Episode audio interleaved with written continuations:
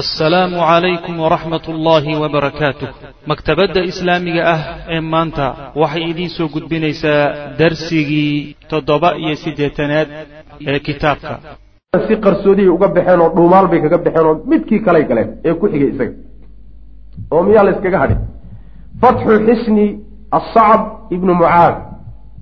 Dhufayskii la odhan jiray sacb ibnu mucaad oo isagana yacni la qabsaday wa kaana wuxuu ahaa xisnu sacbi alxisna athaani dhufayska labaad buu ahaa min xaysu alquwati xagga xoogga waalmanaacati iyo xagga macnaha difaaca. Xagga waana xagga xoogga iyo difaaca labadaba wuxuu ku xigay kii hadda la qabsaday. Bacda xisni naacim qaama almuslimuuna muslimiintii marka waxay isu taageen bilhujuumi weerar calayhi kaa la weeraro taxta qiyaadati alxubaab ibni lmundir alansaari. Saxaabigaasaa hogaaminayay. Markaa dambe ee dhufayska labaad la weerarayo hogaanka ciidamada waxaa wata xubaab. Fa faraduu calayhim waxay ku waajibiyeen alxisaara yani xisaarka waxaa la yidhahdaa yani markii inta meesha laysku hareereeyo sweerka laga qabto waxna geli waayaan waxna ka bixi waayaan. Alaaata ayaamin saddex beri baa la dul fadhiyo yani loo diiday wax walba. Wa fi lyawmi athaaliti maalinkii saddexaad ayaa dacaa rasuulu lahi sal lay slam nabigu wuu duceeyey lifatxi hada alxisni dhufayskaas in la furto duca ku saabsan buu nabigu duceeyey salawatullhi wasalaamu caleyh dacwatan baryo khaasatan oo isaga ku gooni ah. Yani ilan arrintaa yaro adkaatay. Markay arrintu yaro adkaato oo waxoogaa ay socon weydaba nebigu sal lay slam ilahay buu aadi subxaana wa tacala ilahay buu aadiyo arrimaha ilaahay baa hay wuxuusan ilaahay kuu furinna kuu furmi maayo. Baryadu mar walba nebigu la taagan yahay salawatullahi waslamu caleyh wa wuxuu wariyey ibnu isxaaq ana bani sahmin nimanka reer bani sahme la yidhaahdo oo min aslama qabiilka reer aslam ka dhashay waa laf qabiilkaa ka mid atow rasuula lahi sal lay sl nabiga u yimaadeen fa qaaluu waxay idhahdeen yacni ciidankay la socdaanoo ragga dagaalamayay ku jiraan xoogaa marka arrin adag baa ku dhacday oo sahaydii baa ka maratay nebigay marka salawatullahi wasalaamu caleyh iyo arrintii u soo sheegeen fa qaaluu waxay yidhahdeen laqad jahidnaa waan dhibaatoonnay nebiyow wamaa biaydiina gacmahanagana ma ahaanin min shayin waxba wax aan gacan ku haynana ma jirto oo macnaha waxa weye saayadii naga dhammaatay dhibaato daranna waana haysaa fa qaala nebigu wuxu uhi sal lay aslam allah isaga laftiisa waxba ma hayo waxba islama hayo nebigu salawatullahi wasalaamu caleyh yani maxay ka nuugi maxayse ku nuugi yani iyaga cabanahaye ee u dacwoonaya nebiga salawatullahi wasalaamu caleyh iyo nebigu isma dhaabaan xagga macnaha waxa wey tabartiiyo waxtarka laakiin ilaah bay ku kalsoon yihiino nebigu markay dhibaata timaadaba ilaahay buu u carari. Halkaasuu ku tiirsay. Fa qaala nebigu wuxuu yihi salawatullahi wasalaamu calayh allaahuma allahyow innaka adigu qad carafta waad og tahay xaalahum. Ilaahu dadkan arrintooda waad ka warhaysaa. Lagaaga warrami waayo. Wa an laysa inays laysad inaysan ahaanin bihim iyaga quwatun wax xooga inaynan haysaninna waad og tahay wa an laysa inaysan ahaanin biyaddii gacantayda shay-un waxba inaysan ku jirin. Shaygaasoo actihim iyaahu aan siiyo. Waxaan siiyana inayna gacan iigu jirinna ilahu waad og tahay faftax ilaahow fur calayhim dushooda waxaad u furtaa acdama xusuuniha khaybar dhufaysyadeeda iyo qalcadaheeda ta ugu weyn cindahum agtooda khinaa'an xagga hodantinimada. Hodantinimo ahaan iyo xoolaha yaalla midda ugu fiican ilaahu kaa u fur buu nabigu yihi salawatullahi wasalaamu caleyh yacni waxa lagu tashanayo waa haniimada cadowgu haysta wey. Talagalka ilaahay uu yani laga baryayo ilaahu kuwa gaalada gacantooda waxaa ku jira wuxuu naga sii wey macna. Wa aktarahaa ta ugu badan dacaaman xagga cuntada iyo wa wadakan xagga dufanka. Wadaga waxaa la yidhahdaa hilibka macnaha waxa weeyaan maaragtay iyo marka la kariyo ama baruur ha ahaado ama xaydh ha ahaado ama jiidh ha ahaado yani subagka ka dhashaa la yidhahda waa wadag macnaha dufan wa marka dufanka waxaa laga wadaa waa maraqii raashiinka lagu iidaami lahaa wey raashiinka yaalla iyo iidaanka yaalla dhufayska uu ugu fara badan yahay ilaahu kaa u fur buu nabigu salawatullah waslamu caleyh faqada annaasu dadkii waa ka leheen fafataxa allahu caza wajalla ilaahay wuxuu u furay xisna sacb ibni mucaad. Waa kii la dul fadhiyey. Wamaa bikhaybara magaalada khaybarna maba ku yaallo xisnun dhufays oo kaana ahaa aktara mid ka badan dacaaman xagga cuntada wa wadakan iyo xagga dufankaba minhu xaggiisa xagga cunto marka la yidhahdo yacni waxaa ku yaalla bakhaaradii iyo istooradii ugu waaweynaa ee magaaladuba ku tashanaysay baa dhufayskan la dhigay. Maxaa yili waa dhufayska labaad xagga difaaciyo raggana waa ugu badanya difaac kaleoo ka horeeyana waa leeyaho kii la soo furtaya macnaha walamaa nadaba nabiyu sal lay slam nebigu markuu u yeedhay almuslimiina muslimiintii markuu u dhawaaqay bacda ducaa'ihi baryadiisa kadib limuhaajamati hada alxisni dhufayska inay weeraraan markuu ugu yeedhay ayaa kaana waxay ahaayeen banuu aslam. Nimankii reer banuu aslam la odhan jiray ee gaajadu qabatay. Waxay ahaayeen hum iyagu almaqaadiimu nimankii ugu horreeyey fi lmuhaajamati weerarka. Raggii macnaha waxa weye gaajadu haysay ee nebigu u duceeyey ayaa waxay ahaayeen safka ugu horreeyay galeen ee weerarka macna wa daara waxaa wareegay albaraazu isu soo bixidii baa muddo socotay. Sida caadigaba ah markii dhufays laga dhaxay midka kale la yimaadaba intaan dagaalku bilaabanin baa laysu soo bixi subaxdii dhowr nin baa meeshaa la dhigayo markaasaa lasku macnaha waxa wey la isku qaadi weerarkii ballaanaa wa daara waxaa socday albaraazu isu soo bixidii waalqitaalu iyo dagaalkii amaama alxisni dhufayska hortiisuu muddo ka socday. Uma futixa waa la furay. Alxisnu dhufayskii fii dalika alyowmi isla maalinka qabla an taqruba ashamsu intaysan qoraxdu dhicinba gacantaa lagu hayay. Wa wajada fiihi lmuslimuuna muslimiintii waxay ka heleen bacda almanjiniqaat iyo wadabaabaat madaafiic iyo taangiyo ayaa meesha loogu tegay.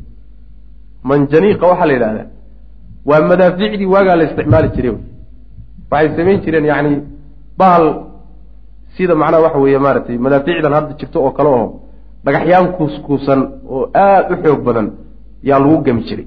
Dhagaxyaanta marka waxaa lagu burburin jiray meelaha dhufaysyada xusuuntaa lagu jijabin jiray.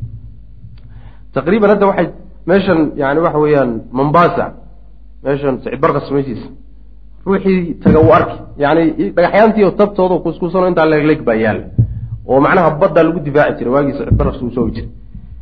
Marka taqriiban waxay ka dhigan tahay madaafiicda hadda lagu dagaalamo oo kale booskooday ku jireen. Dabaabaadkana wuxuu ka wadaa waa tiknikada lagu dagaalamo oo fardi iyo waxaasa waagaa lagu dagaalami jiray.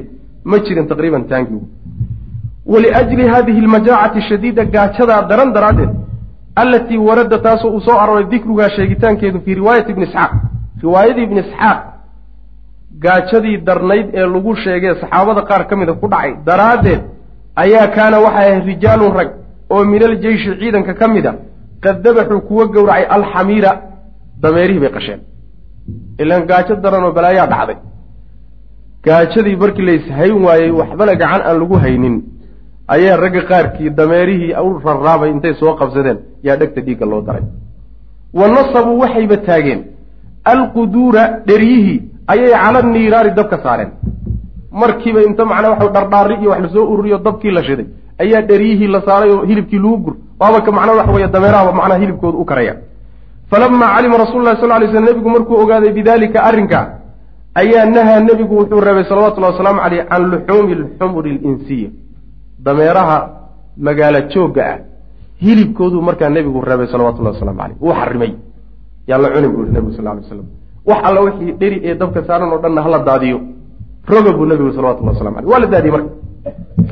Halkaasaa marka nebigu sal lay slam wuxuu ku xarimay dameeraha hilibkooda markaasaa la xarimay.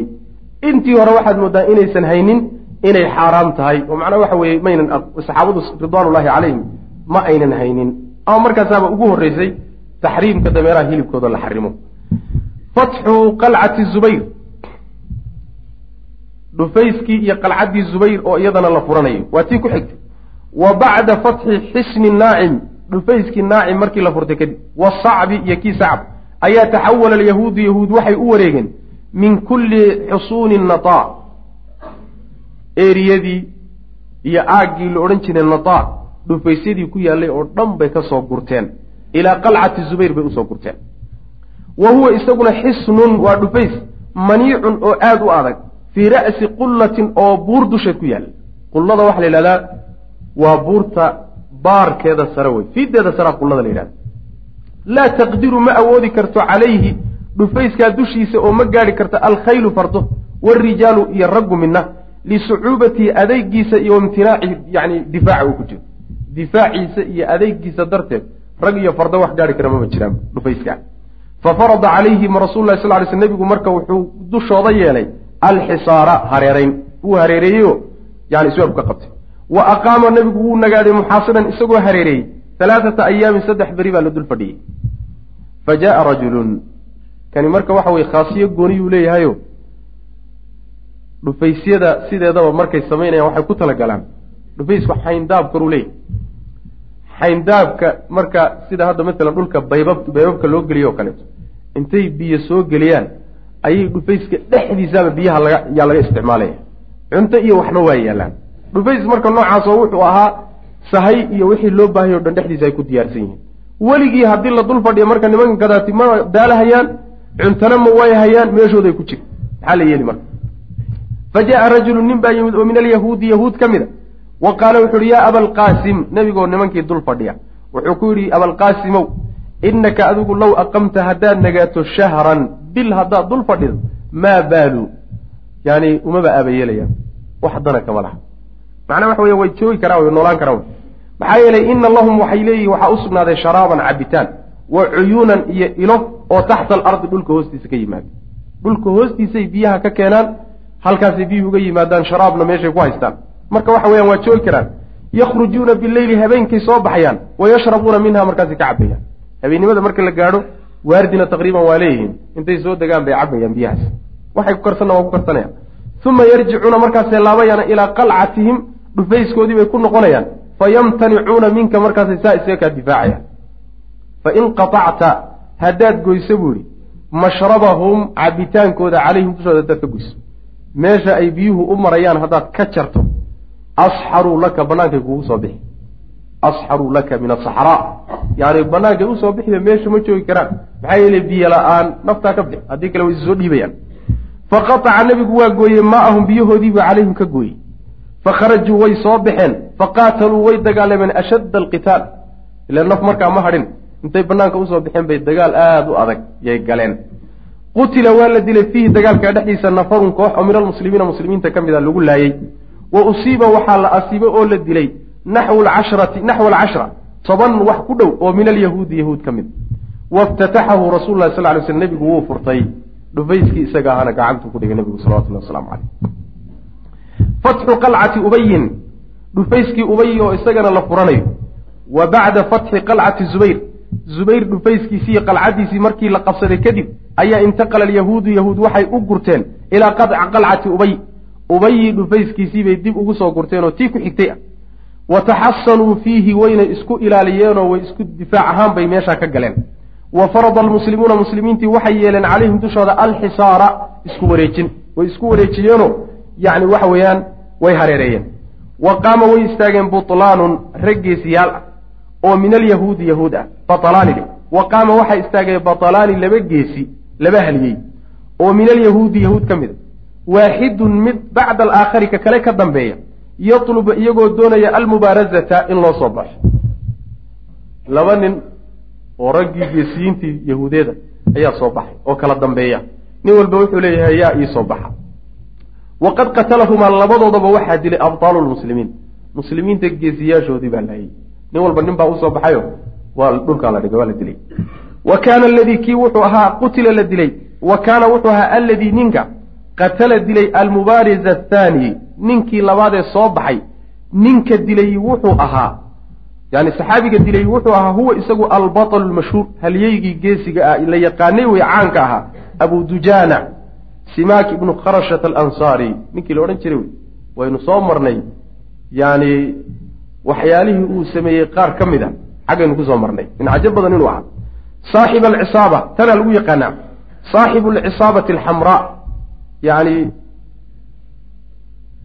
baashii casayd ee madaxa lagu maran jiray ninkii lagu yaqaani wey karin yaroo wuxuu lahaa madaxa uu ku marto.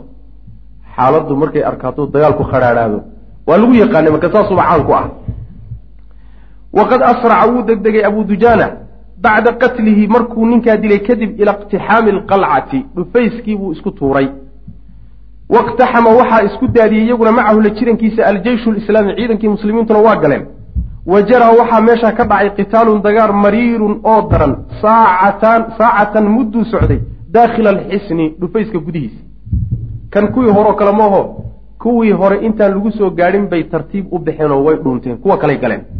Kan laakiin gudihiisa inta laysku qabsaday baa macnaha waxa weeyaan layska noolaaday. Aad baa loogu baaba-ay meesha. Uma markaa kadibna tasallala alyahuudu yahuud intii ka hadhay way dhuunteenoo way baxeen oo way duseen. Min alqalcati meeshii bay ka duseen. Wa taxawaluu waxay u wareegeen ilaa xisni nazaar. Aakhira xisnin waa dhufayskii ugu dambeeyey fi shatri alawali qeybtii ugu hore ee magaalada. Shantii isku qeybta ahaa kii ugu dambeeyey bay marka hadda isugu soo urursadeen. Afartii kale laga furay. Fatxu xisni nazaar. Dhufayskii nazaar oo isagana laga qabsaday oo la furtay. Kaana wuxuu hada alxisnu amnaca xusuuni hada shatri qeybtan dhufaysyada ku yaalla ka ugu adag buu ahaa. Wa kaana alyahuudu yahuudi waxay ahaayeen calaa shibhi lyaqiin yaqiin bay wax u eg bay ku dul sugnaayeen. Hubaal wax ku dhow ayay ku dul sugnaayeen. Hubaashaa ah biana almuslimiina muslimiintu laa yastadiicuuna inayna keri karin iqtixaama hadihi alqalca. Dhufays walba hadday soo mareen kan inayna mari karin bay hubaal ahaan u haysteen oo isku hallaynaya wa in badaluu haba haba dhiibeen. Qusaara juhdihim dadaalkooda meesha ugu dambaysa haba bixiyeen. Fii hada sabiili siday u qabsan lahayen iyo jidkay ku qabsan lahaayeen dadaalkay doonaya haba ku bixiyeen. Inayna qabsan karin bay ku kalsoonaayeenoo ku qanacsanaayeen yahuudi. Walidaalika sidaa daraaddeed ayay aqaamuu waxay dejiyeen. Fii haadihi alqalcati dhufayskaa iyo qalcaddaa waxay dhexdeeda dejiyeen. Maca way degeen halkaasay degeenoo joogeen maca daraari waannisaa haweenkiiyo carruurtii iyo maatadii baa meeshan lagu urursaday.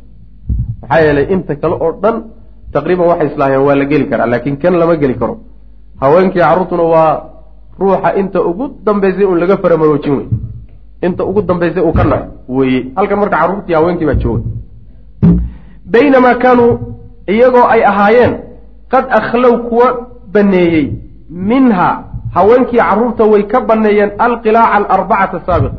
Afartii qalcadoodee hore haweenkii carruurta way mayna geynino carruurtii haweenka way ka daayeen. Laakiin tan carruurtii haweenkay geeyeen. Wa farada almuslimuuna muslimiintu waxay sameeyeen. Waxay ku sameeyeen oy ku waajibiyeen calaa hada alxisni dhufayska ashadda alxisaab. Isagana isweerkaa laga qabtayoo waa la isku hareereeyey. Weli mid adag baa la saaray. Wa saaruu waxay ahaadeen yadbutuuna kuwa cadaadiya calayhim yahuud bicunfin si adag baa cadaadis loo saaray macnaha wax u geli kara ma jiro wax ka soo bixi kara ma jiro kaadi uma soo bixi karaan cadaadis adag baa la saaray walikowni lxisni dhufayska oo ahaa daraaddeed yaqacu mid dhaca calaa jabalin buur dusheed ku yaalla murtaficin oo weliba sarraysa maniicin oo aada u adag dhufayskoo saa ahaa daraaddii ayay lam yakuunu aynan ahayn yajiduuna mid hela sabiilan jid liliqtixaami gelitaan fiihi dhexdiisa la galo dhufayskoo buur sare ku yaallay dartii baa wuxuu diiday inay muslimiintu ay u suurta gasho inay dhufayska ku daataan oy galaan. Sidii kuwii horeba ay u geli jireen. Ama alyahuudu yahuud miya falam yajtari-uu mayna ku dhiiranin lilkhuruuji bixitaan min alxisni dhufayska laga soo baxo yacni waa ku dhici waayeen inay dhufayska banaanka uga soo baxaan. Meeshaasay ku urursadeen muslimiintuna waa dul fadhiyaan. Halkaasaa la kala joogaa. Muslimiintana waa u suurtageli la-dahay inay dhufayska ugu tagaan dhufayskaa meel sare ku yaalla ayib ama alyahuudu falam yajtari-uu maynan dhiiranin lilkhuruuji inay soo baxaan min alxisni dhufayska ka soo baxaan. Lilishtibaaki si ay isugu dhacaan maca quwaati lmuslimiina muslimiinta ciidamadooda si ay isugu dhacaan. Muslimiinta ciidamadooda dagaal ay la dagaalamaan inay u soo baxaan yahuudi waa ku dhiiran weyday. Maxaa yeelay waxbaa layska arkay. Laakinahum qaawamuu waxayse ka hortageen. Almuslimiina muslimiintii bay ka hortageen oo way iska difaaceen muqaawamatan difaac caliidatan oo adag birashqi nibaal. Yani ganid ay ku ganayeen. Yani leebab iyo fallaadho. Yani waxay adeegsadeen meeshooda inay wax ka soo tuurtuuraanoo halkaa aan loo soo dhaafin. Intay raggii ganaayaasha ahaa meesha saareen bay halkaasi waxay ka difaacayaan xisniga iyo dhufayskii halkaa ka difaacayaan wa biilqaa'i alxijaarati iyo dhagaxyaan la soo tuurtuuray. Yacni waxay adeegsanayaan fallaadho ay ganayaan ilay meel saray saaran yihiin iyo dhagaxyaan ay halkaa ka soo tuurtuurayaan. Wa cindama stacsaa markuu adkaaday xisnu nazaar. Dhufayskaasi markuu ku adkaaday calaa quwaati lmuslimiin ciidamadii muslimiinta markuu ku adkaaday ay geli kari waayeen ayaa amara nabiyu sal lay sl nebigu wuxuu amray binasbi aalaati lmanjaniiq madaafic madfaca alaabtiisii iyo qalabkiisii in la rakibo. Yuu nebigu amray salawatullah waslamu caleyh yani waxa weeyaan ilan meeshii la saari kari waaye waxaa la doonayaa in macnaha madaafiicda lagu garaaco la jejebiyo meesha lagu burburiyo ama la duleeliyo oo meele laga geli karo loo sameeyo. Saasuu nabigu yihi salawatullah waslamu aleyh waa sidaba hadda hadda la sameeyo. Yani markii ragga meel laga saari waayo madaaficda loo dayn sida loogu garaacayo loogu garaacayo loogu markay jilcaan ayaa macnaa waxa weye afantariga lagu sii daaya saasaa la sameeya waa dabtii macnaa waxa weye taatiga caskariba weligiiba horreeye wey macna wax cusub maaha. Amara nabiyu sal alay waslam binasbi aalaati lmanjaniiq madfaca. Aalaabtiisii in la rakibo ayuu nebigu amray salawatullahi waslam oo la taago. Wayabduu waxaa muuqata ana almuslimiina muslimiintu qadafuu inay ku ganeen biha iyada alqadaa'ifa inay madaafiic dhowr ah ku tuureen. Fa awqacuu markaasa waxay ku rideen alkhalala dulduleel fii judraani alxisni dhufayska yani derbigiisii ayay meelo badan marka duleeliyeen. Waqtaxamuuhu duleeladiibay marka ka soo galeen. Madficii markuu meelo badan u duleeliyey. Meelihii madaafiicdu duleelisay mark raggii ka galeen. Oynan ka filaynin. Ilan wuxuu leeyahay xisnigu hal albaab buu leeyahy albaabka waardi adag baa saaran lama geli karayo laakiin haddii gadaal iyo dhinaca iyo laga duleeliyo oo meelo kaloo laga soo geli karo uu yeeshay waa adagta markaasi loogu jiro. Meelaha marka uu duleeliyay ka soo galeen wa daara waxaa dhacay qitaalun daraar. Dagaal ayaa dhacay mariirun oo daran fii daakhili lxisni dhufayska gudihiisiibuu ka dhacay. Inhazama waxaa jabay amaamahu yacni waxa weye dagaalkaa hortiisa waxaa ku jabay alyahuudu yahuud haziimatan jabitaan munkaratan oo aada u foolxun. Jab yaa naasabeel ah oo waxba uusan kaga hadhin baa meesha ku dhacay. Aada u foolxun.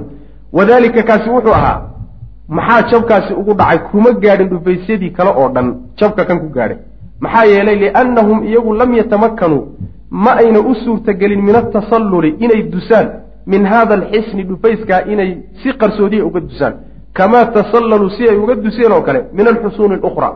Dhufaysyadii kale sidii markii ay u muuqatay in la qabsanayo ay si tartiiba uga baxeen oo kale kan way u suuroobi weyday inay baxaan. Bal faruu way carareen. Man faruu ciddii carartay baa carartay min hada alxisni dhufayska isagaa ninkii lug kaga baxsadiy carar. Taarikiina ayagoo ka tegay lilmuslimiina muslimiinta waxay uga tageen nisaa'ahum haweenkoodii iyo wadaraariyahum carruurtoodiiba haween iyo carruur wixii meesha ku jiray oo dhan ayadoo la midhicsanin baa macnaha wax way laga dhaqaaqay. Raggii carar halkaasi kaga tageen. Ilaan waxa weye naf kale waxaad u danayni ama haweenta ha noqoto ama carruur ha noqote taada markaan loo soo dhiganin. Laakiin taada goortii loo soo dhigto yani waxa nafta orod bay kugu aamintaa un bay noqon. Waa baxsan wa bacda fatxi hada alxisni dhufayskaa markii la furtay kadib almaniici ee adag uma fatxi shatri lw yaa tamma. Dhufayskaa markii la furtay kadib ayaa tama waxaa dhammaystirmay fatxu shatri lwal qeybtii hore furashadeedii oo min khaybara magaalada khaybar ka mid magaaladu labadii qaybadood ee labadii xaafadood xaafadan baa gacanta muslimiinta ku dhacday. Weliba xaafadii ugu adkayd ee ugu istraatiijisanayd muslimiinta haysta marka. Intii yahuud soo hadhayna qeybtii kalea la isugu yimid.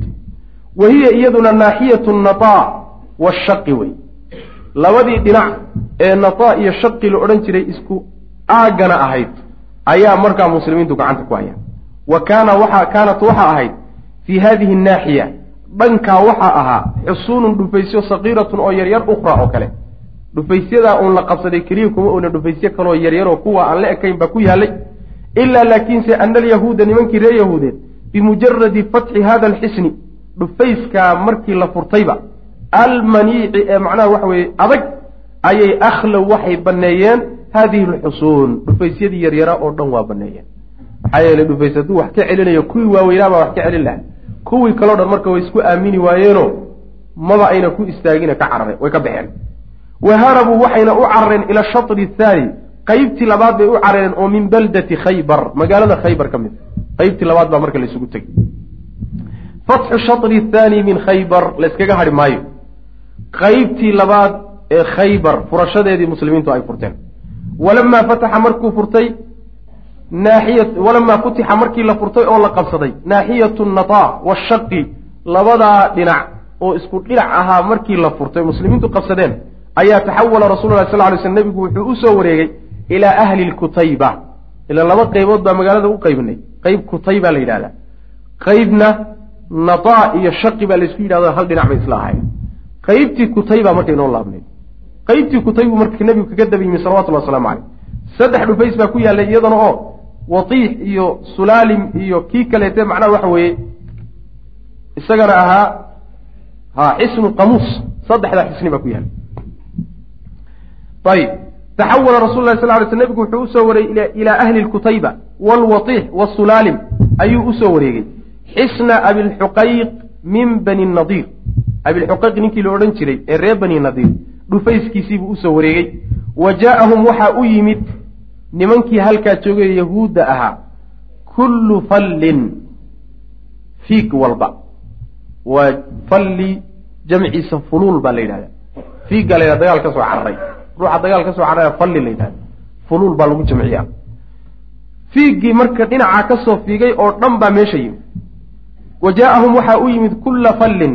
Fiig kasta oo kaana ahaa inhazama mid soo jabay min annataa xagga nataa iyo washaqi dhinacii kale qoladii ka soo jabtay ee dagaalkaa ka soo carartay oo dhan baa meesha isugu soo urursatay wa taxasana way isdifaaceenoo way is-ilaaliyeen.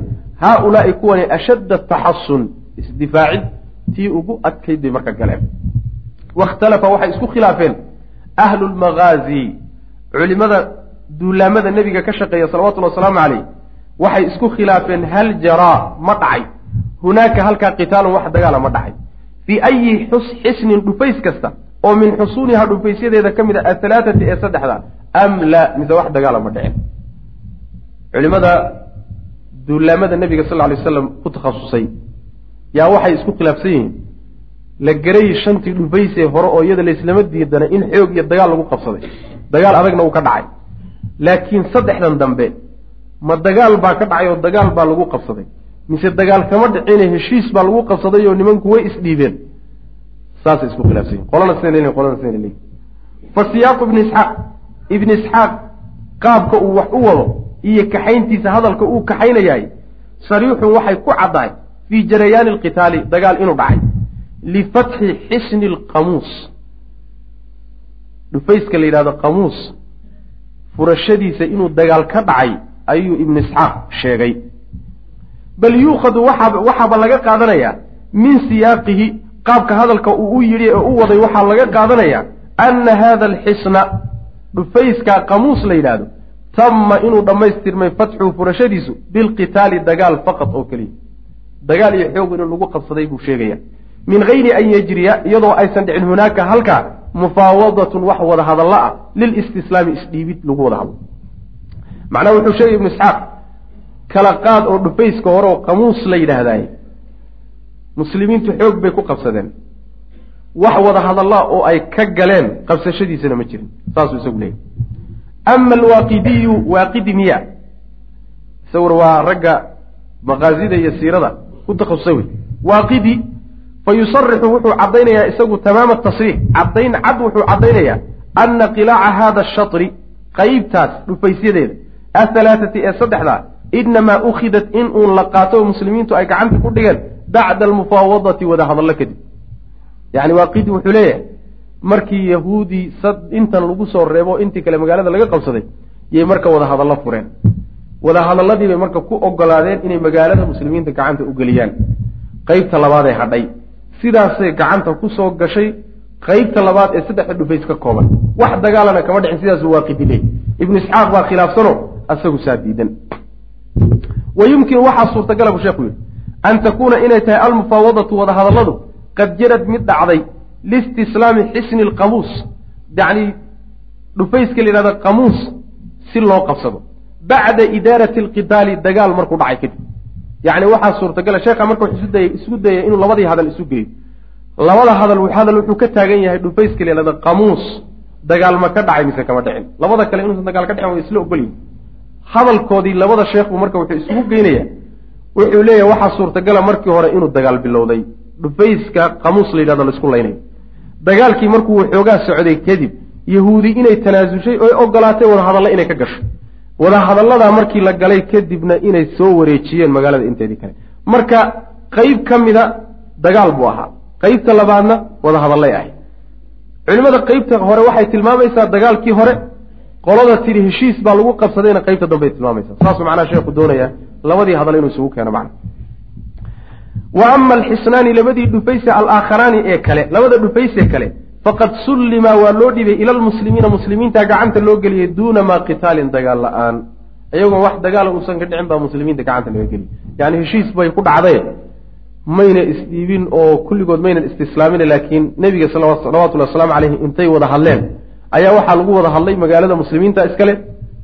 Ha lahaadeene waad beeraysaan haddaad yahuud tihiin beerta wixii ka soo baxda nis idinkaa iskale nisna muslimiintaa iskale yacni xamaalashadaad xamaalanaysaan iyo dhididkaad dhididaysaan iyo falitaanka beerta iyo intaasaad niskeed ku qaadanaysaan. Dhulkana ma lihidin dhulka muslimiintaa iskale niska kaleetana muslimiintaa iskale saasa wixii dhulka ka go-a. Saasaa lagu heshiiyey macna. Wa mahma kaana siday dooniba arrinku ha ahaadee falamaa ataa rasul lah sal ly sl nebigu markuu yimi ilaa haadihi naaxiya dhankan markuu yimid dambe alkutay baa laga wadaay dhankii dambe ee la qabsaday markuu nebigu yimid ayuu farada nebigu wuxuu ku fardiyey oo uu macnaha dusha ka saaray calaa ahliha dadkeeda ashadda alxisaari yacni xisaarka ugu weyn baa la saaray ugu adag. Waa intayna isdhiibin. Wadaama wuxuu daa'imay alxisaaru. Isweerkii iyo macnaha waxa weeyaan ku wareegsanaantii waxay daa'imtay arbacata cashara yowman la dul fadhiyey. Wlyahuudu yahuudna laa yakhrujuuna kama soo baxayaan min xusuunihim. Dhufaysyadooda iyaguna kama soo baxayaan. Halkaasay ku egyihiin muslimiintuna magaaladii qayb bayba haystaane qaybtaa iyo haniimadeedii iyo haweenkoodii iyo carruurtoodii waxay xaggaga yimaadeen iyo wixii baaba la haystaaba oo qaar baaba la qaybsadayba taqriiban qaybtan dambena waa la sugahayaayo waa la didigan waa la sugayaa macnaha waxa weye inay daalaano cuntada iyo sahaydu ka dhammaato banaanka marka ay u soo baxaan ama isdhiibaan ama dagaal ba ay galaan macna xataa hama ilaa uu damcay rasul lahi sal lay slam nebigu an yansiba inuu taago. Calayhim dushooda almanjaniiq yacni madaafiicdii inuu rakibo ilaa uu nebigu damcay ayay meesha ku jireen oy meesha macnaha waxbay isku ilaalinayeen. Falamaa ayqanuu markay yaqiinsadeen bilhalakati inay baaba'ayaan oy dhammaanayaan ayay sa'aluu waxay weydiiyeen rasul lahi sal lay slam assulxa heshiis bay codsadeen. Aan wada hadallay dheen marka hadda wada hadallaan ogol lahay halkaasi marka wada hadalladu ka furmi doonaan. Iyagii nabiga salawatullhi wasalaamu caleyh dhex maraya. Waxaa laga qaadanayaa oo qisadu ay kutusaysaa ayagiiyo adilo kaleba carruurta iyo haweenka in la laayo ma banaana sharcan gaalada ah markii dagaal lagu jiro. Haddii la qabto xataa ma la laakiin meel carruur iyo haween iyo raggii dagaalamaya ay wada joogaan madaafiicda waa lagu garaaci karaa. Qasadku ayadoo ay tahay ragga ha ku dhacdo. Yaa loola niyooni haweenka iyo carruurta loola niyoon maayo. Wixii marka halkaa ku tagaayo waa ku tegey shaqo kuma lihi. Laakiin wixii macnaha laga ilaalin kara ee laga dhowri kara laynta ayaa laga dhowraya macna wabillahi tawfiiq. Sala allahuma wasalama calaa nabiyina maxamedin wala ali wasabi waxaa inoo dambeeyey.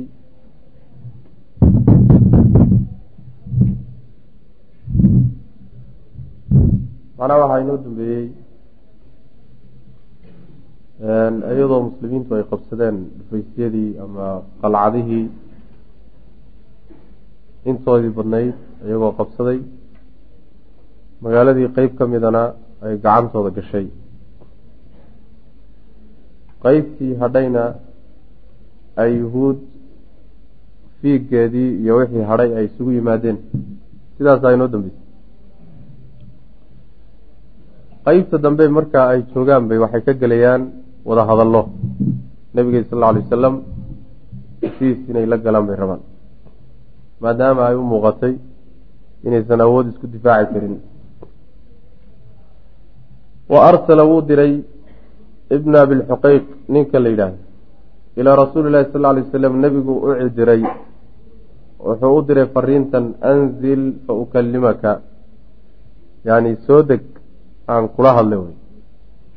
Aan wada hadalno wey macnaha. Qaala wuxuu uhi nacam waa yahay wey.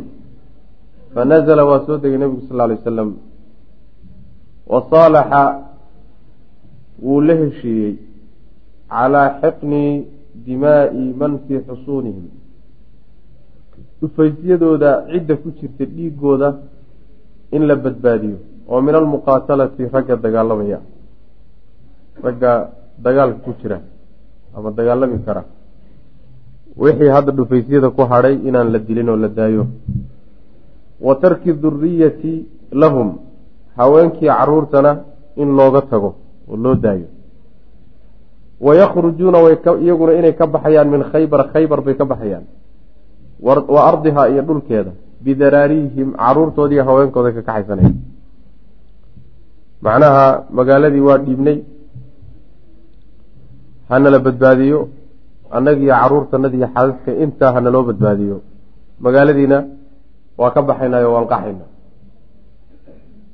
wayaklowna wayakhulluuna waxay macnaha banaynayaan bayna rasuuli lahi sal ly wasalam wa bayna maa kaana lahum iyo wixii ay lahaayeen ayay isu daynayaan oo min maalin xoolo ah wa ardin dhul ah wa cala asafraa'i iyo dahabka waalbaydaa iyo fidada safraa macnaha dahabka la yidhahdaa midabkiisa wey baydaana waa fidada wey waalkuraaci fardahana iyadana way dhiibahayaano fardahana way ka tegayaan waxyaalaha ay nebiga siinayaan uga tegayaan bay ka mid tahay.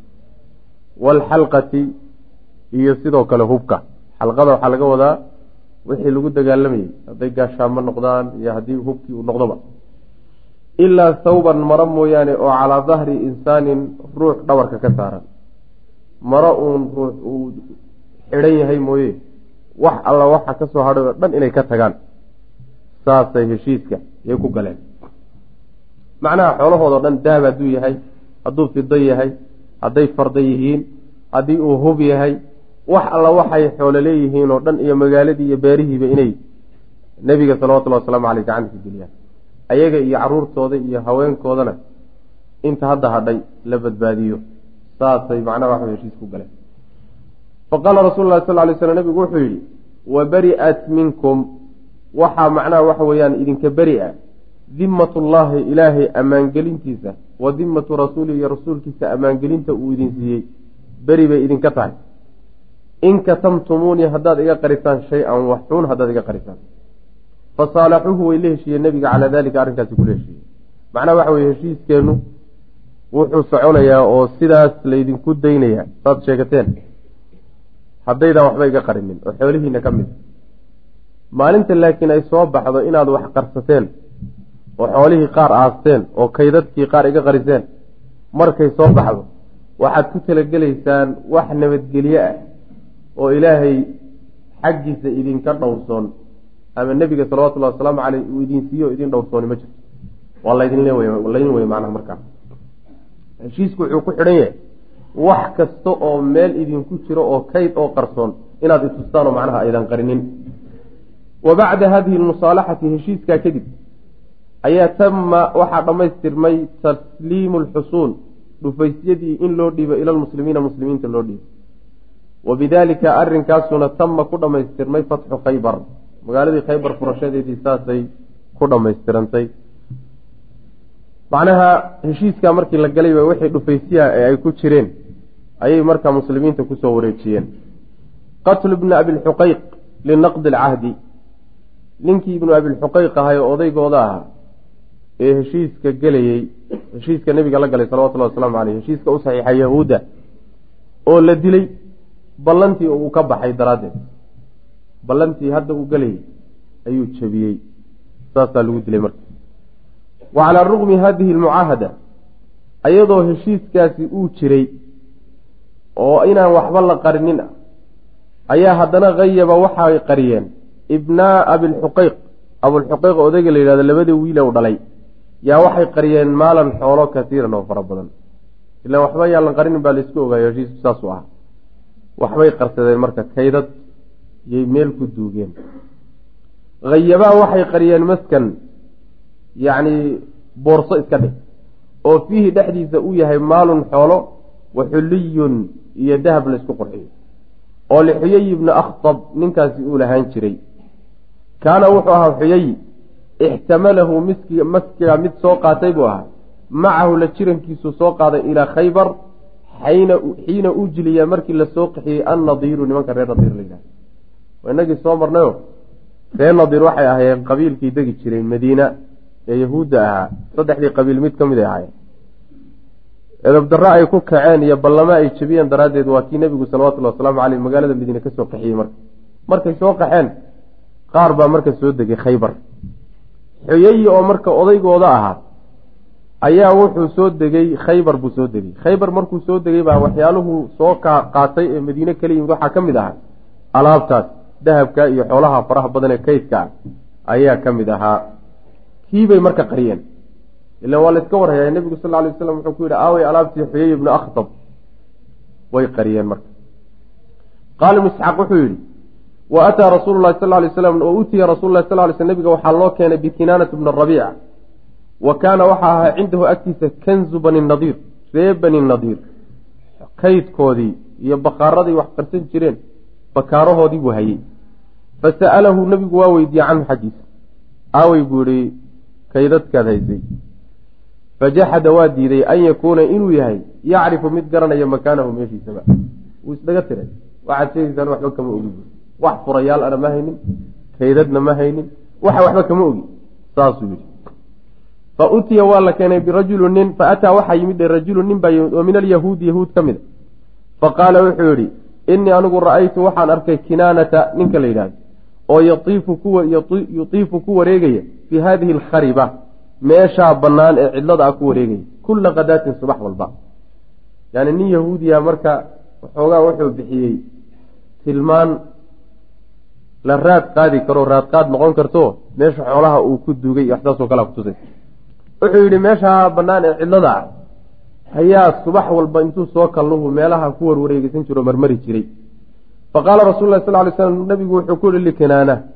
Odaygii kinaanaha marka wuxuu ku yidhi ara-ayta bal ka waran in wajadnaahu haddii aan helno kaydkii cindaka agtaada haddaan ka helno aqtuluka ma ku dilaya?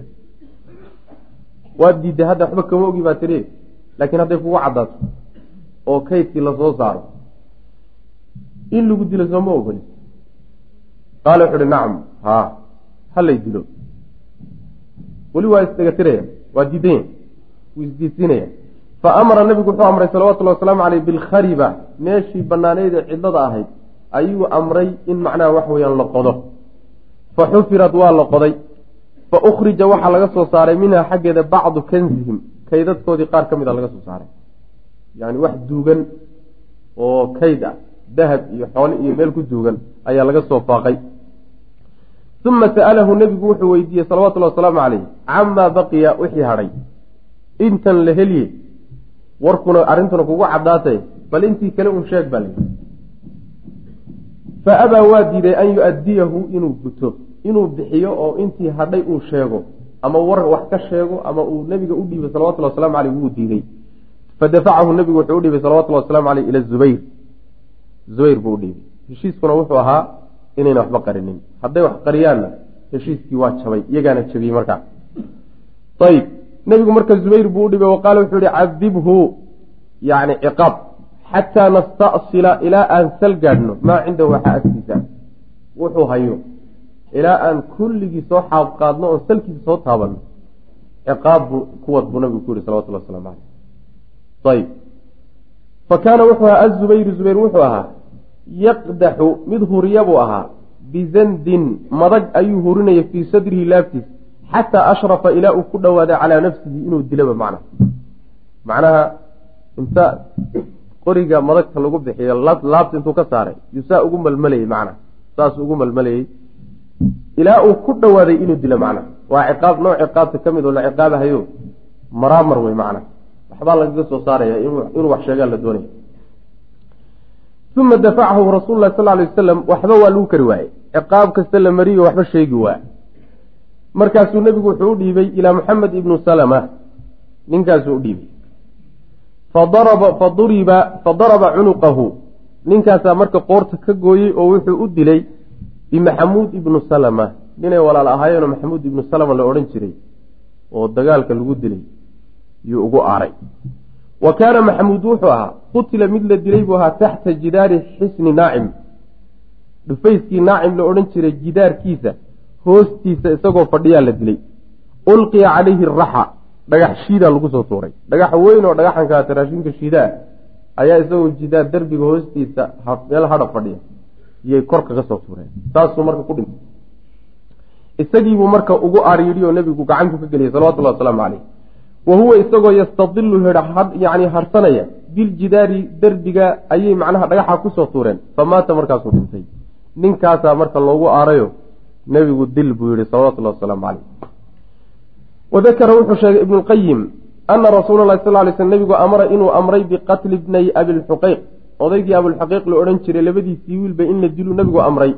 Wa kaana wuxuu ahaa alladii kii ictarafa qiray calayhimaa dushooda biikhfaa'i ilmaal yacni xoolaha inay qariyeen xoolaa inay qariyeen ninkii ku qiray ee ku markhaati kacay wuxuu ahaa huwa isagu ibnu cammi kinaana. Kinaanihii hadda la dilayay isagana mid ay ilmaadeer yihiin ayaa labadaas abulxuqeyq u dhalay ee iyaguna odayaasha yahuudeed ah ayaa ku markhaati kacay inay xoolo qariyeen. Hadday qariyeenna ballantii bay ka baxeen nebigu in la diluu faray salawatullahi wasalaamu caleyh wasama rasuulu lahi sal lay slam nebigu wuxuu qafaashay oo dadkii la qabsaday ka mid ahay safiya binta xuyay ibni akhtab sayidkii reer bani nadiir gabadh uu dhalay oo safiya la odhan jiray ayaa dadkii gacanta lagu dhigay ka mid ahay. Wa kaanat waxay ahayd safiya taxta kinaanata bna abilxuqeyq kinaanihii macnaha waxa wey in abilxuqeyq ahaa ayay macnaha la joogtayoo isagaa qabay wey macna. Kinaana qabay. Kii hadda la dilay. Kinaana qabay. Wa kaanat waxay ahayd caruusan yacni aroosad bay ahayd xadiidata cahdin oo waktigeedu uu dhow yahay bidukhuuli gurigal. Waxay ahayd gabadh bay ahaydoo maalmahaasaaba lala aqalgalay. Ma fogeyn. Muddadaasuu la aqalgalayoo muddo dheer muusan la sii jooginba markaasaa isagii la dilay oo meeshaa lagu dilay iyadiina marka waxay gashay dadkii la soo qafaashay oo gacanta lagu dhigay. Qismat lghanaa'im xoolihii oo la qeybiyey waxay noo imaan doontaa safiya inuu nabigu guursan doono salawatullahi waslamu caleyh ciwaan buu marka inooga dhigi doonaa. Qismat lghanaa'im xoolihii khaybar laga qabsaday iyo sidii loo qeybiyey wa araada rasuulu lahi sal lay wasalam marka yacni taasi waa dhaawicii gaadhay nimankii reer yahuudeed iyo dhibkii loo geystay wey magaalada madiina nebigu salawatullahi wasalaamu caleyh waa kii ka soo saaray. Markay dhibkoodii batay oo ay la noolaan kari waayeen. Haddana khaybar oo magaaladoodii labaad ah yuu nebigu ka qabsaday salawatullahi wasalaamu caleyh magaalooyin kaleeto oo ka dambeeyay khaybar oo nebigu salawatullahi wasalaamu caleyh ka qabsan doonaan waa inoo imaan doontaa. Arrintaasi marka dharbaaxadaa ku dhacday iyo dhibkaa ku gaadhayey waa midda ay halmaami la yihiin yahuuddu ilaa yowmina haada. Ilaa yowmina haada jadwalka waxaa ugu jira magaalada madiina iyo khaybar labaduba jadwalka ugu jiraan markay dowladda weyn ee ay ku riyoonayaan ee ay ku magacaabaan mamlakatu israa'iil alkubraa ee maskaxda ugu jirta. Markay macnaha waxa weye dhulkeeda ay qiyaasayaan waxay ku daraan madiina iyo khaybar. Qorshaha marka waa ugu jirtaa iyaga ama haw suurowdo ama haw suurtoo weydo taas ilahay bay la jirtaa subxaana wa tacaala.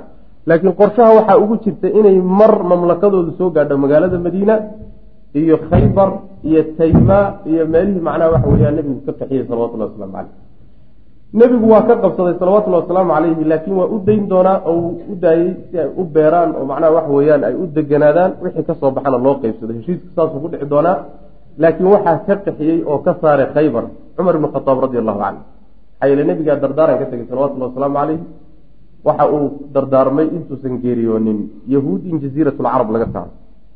Bal inaysan diinta islaamka diin aan ahayn inaysan jaziiratulcarab joogin oo laba diimood isuguma amaan karaan buu nabigu salawatullahi waslamu caleyh cumar baa marka waktigiisii ka saaray oo yahuud oo dhan jaziiratulcarab ka saaray.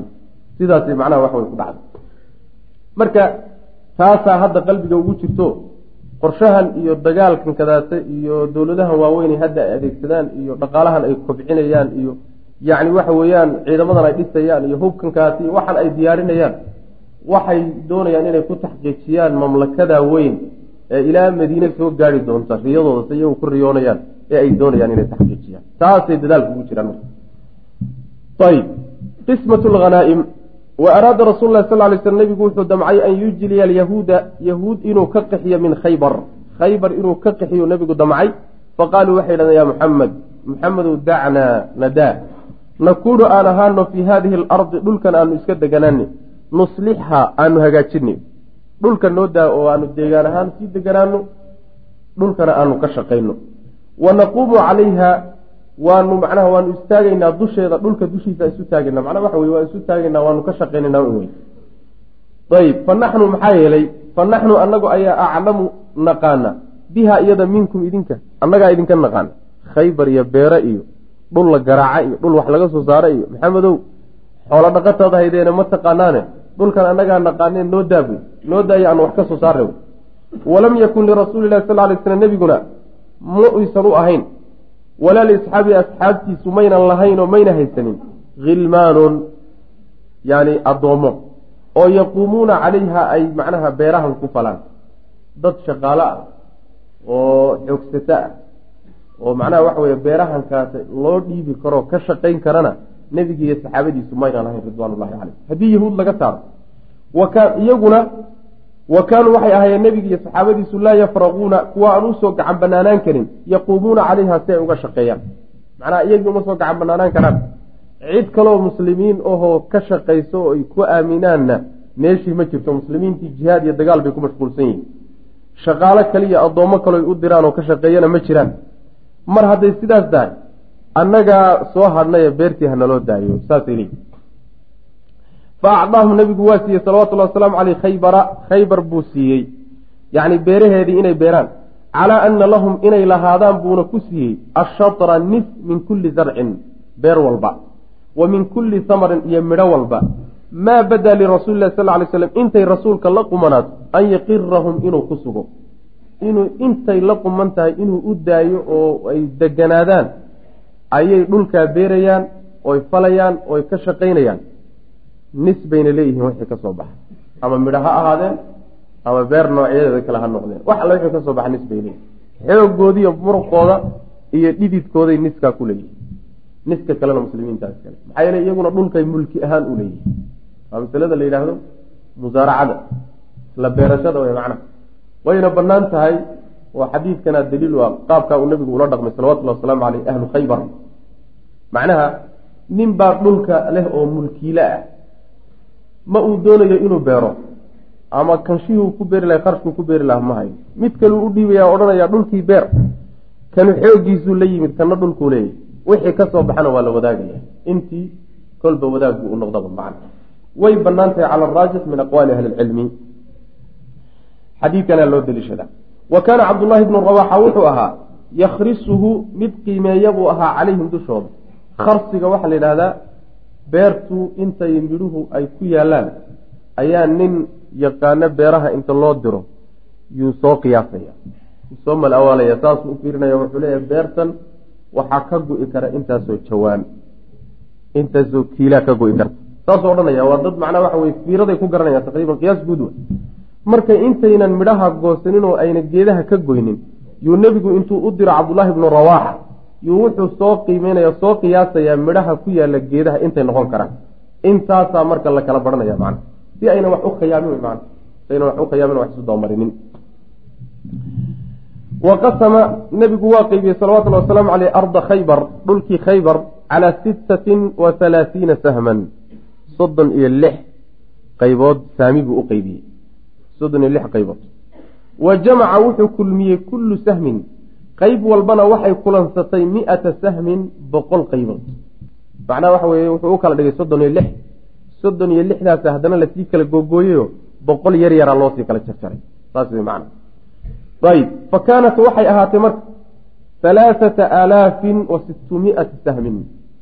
Saddex kun iyo lix boqol oo sahmi bay noqotay. Maxaa yeelay soddon iyo lix oo min boqol ah. Soddon iyo lix markii boqol lagu dhufto waa saddex kun iyo lix boqol saas ku imaanaysa man fa kaana lirasuuli lahi sal lay slam nebigu wuxuu lahaa wlmuslimuuna muslimiintu annisfa min dalika waxaa khaybar laga qabsaday nis bay ku lahaayeen.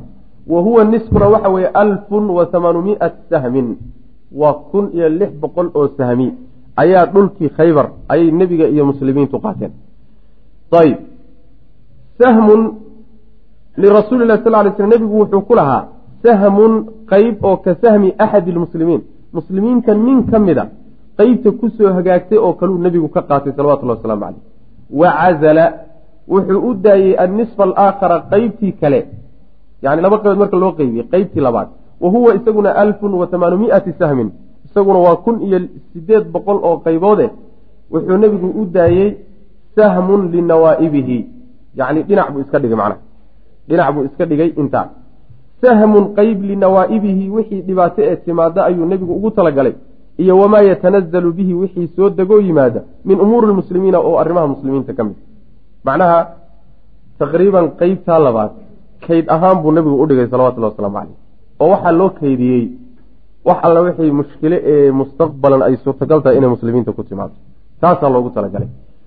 Inta kaleetana oo niska hore ana wuu qeybiyey nebigu salawatullhi wasalaamu caleyh oo saxaabadiisu u qeybiyey qayb ahaana isagaa u qaatay nebigu salawatullahi waslamu caleyh wa inamaa qusimat waa la qeybiyey calaa alfin wa hamaanumiati sahmin. Waxaa loo qeybiyey kun iyo sideed boqol oo saami. Maxaa yeelay liannaha kaanat maxaa keenay in kun iyo sideed boqol oo qaybood laga dhigo? Waxaa lagu sargooyey ciidanka. Oo ciidanku waxay ahaayeen sida uu sheegi doono oo inoo soo wado. Raggii xudaybiye ka qayb galay bay ahayd kun iyo afar boqol oo nin bay ahayd. Kun iyo afar boqol oo nin baa waxay wateen laba boqol oo faras. Kun iyo afar boqol oo nin la gelay labada boqolee faras baa faras walba wuxuu leeyahy laba saami buu leeyahy halkaa waxaa ka baxaya afar boqol.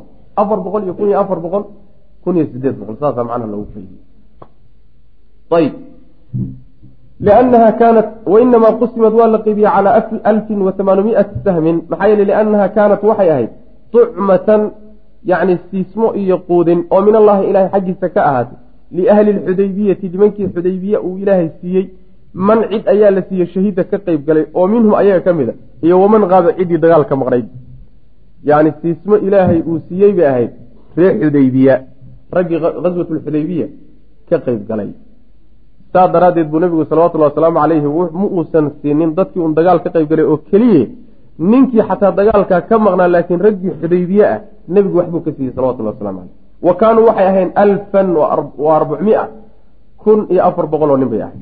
Wa kaana macahum waxay wateen miataa farasin laba boqol oo faras. Likulli farasin faras walba marka wuxuu leeyahay sahmaani laba qaybood. Faqusimad waa la qeybiyey saa daraaddeed baa waxaa loogu qeybiyey calaa alfin wa hamaanumiati sahmin yacni kun iyo sideed boqol oo saami fa saara waxaa ahaaday lilfarisi ninka faraska wataa oo faras ku dagaalamaya halaathatu ashumin.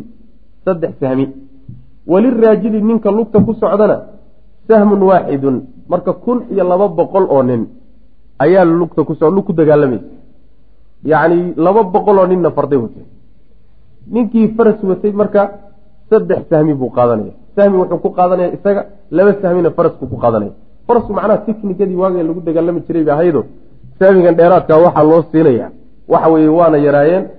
Ta labaad waxa weeye faraskan ninku ilaaladiisa iyo waardigiisa iyo calfintiisa iyo waxaasoo dhan isagay saaran yihiin dhib dheeraadaa saaran. Midda kaleeto waxa weeyaan dagaalka xataa waxa weeye qeybta uu geysanahayo iyo waxa uu geysanayahay. Ninka macnaha lugta ku dagaalamaya ma geysanayo saa daraaddeed buu nabigu salawatullhi wasalaamu calayhi u yeelo qeybta loo siiye macnaha wayadullu waxaa kutusaya calaa kasrati makaanimi khaybar khaybar qaniimooyinkeeda inay aada u badnaayeen waxaa kutusaya xoolihii laga qabsaday maa rawaahu lbukhaariyu bukhaari xadiidka uu wariyey can ibni cumar buu ka wariyey qaala wuxuu ihi maa shabicnaa maanaan dhergin xataa fataxnaa ilaa aan furanay khaybara khaybar bay gaajadu nagaga hadhay wixii gaajo ahayd ee lagu rafaadsanaa khaybar markaanu furannay halkaasaanu ku faataxaysanay oonu gaajo macnaa waxaan ku kala tagnay waxay kutusaysaa marka xoolo aada u fara badan in macnaha khaybar laga qabsaday. Wamaa rawaahu wuxuu wariyey bukhaari ayaa iyadana kutusaysa can caaishata uu ka warinay qaalad waxay tidhi lamaa futixat khaybaru. Khaybar markii la furtay baa qulnaa waxaanu nidhi alaana hadda ayaanu nashfacu waxaanu ka dhergi min atamri alala haddaanu timir ka dhergi doona maxaa yeelay dhulkii timirtu macnaha asalka u ahaa baa gacanta soo galay wey macna intii ka horreysay marka haniimooyin badan waa qabsadeen ficlan laakiin haniimooyinka faraha badan ay qabsanaayeen ma gaadhsiisnayn khaybar waxay ka yeeleen oo kale. Oo kale ma dhannayn. Waxay u badnayd un waxyaalo uun reebaadiyaha iyo acraabtaas laga soo qabsado oo xoolo iyo waxyaalo noocaas oo kale u badnayd. Macna walamaa rajaca rasuulu lahi sal lay slam nebigu markuu laabtay ila lmadiinati madiine markuu ku laabtay ayuu radda wuxuu celiyey almuhaajiriina muhaajiriintii waxay celiyeen radda almuhaajiriina muhaajiruuna yuu qoreen. Waaw radda way celiyeen almuhaajiruuna. Muhaajiriintii waxay u celiyeen ila alansaari ansaar waxay u celiyeen manaaixahum. Geedihii ay maaliyeen. Allatii midaasoo kaanuu ay ahayeen manaxuhum kuwa maaliyey oo siiyey. Iyaaha iyada oo min anakhiili geeda timireeda. Xiina saara markii ay ahaatay lahum muhaajiriintii bikhaybara khaybar daraaddeed maalun xoolo markuu u ahaaday wanakhiilun iyo geeda timiroo badan. Waxaa jirtay saynu soo marnay markay muhaajiriintii soo hijroodeen oy magaalada madiine qax ku yimaadeen ayagoon waxba haysanin. Waa la soo dhoweeyo nebigu salawatullhi wasalaamu caleyh wuxuu dusha ka saaray ansaar. Raggii magaalada deganaa baa la yidhi qaybsada walaalihii nanqaxa ee waxba wadanin. Waa la qaybsaday marka. Waxyaalihii marka lagu garab qabtay muhaajiriin waxaa ka mid ahaa geedihii timirta iyo beerihii timirta ahaabaa yaa la maaliyey. Macnaha waxa weye manxiga waxaa la yidhahda siismo oo geedka mulkigiisa lagu siinayo meehe waa beerani oo waa tabcani. Geedkana mulkigiisa ninkii iska lahaa baa iskale adiguna wax alla wixii kaaga go-oo midho ah baad leedahay. Walaalayaal darsigaani halkaas ayuu ku eg yahay. Allah tabaaraka wa tacaala waxaan ka baryaynaa inuu nagu anfaco. Assalaamu calaykum waraxmat ullaahi wbarakaatu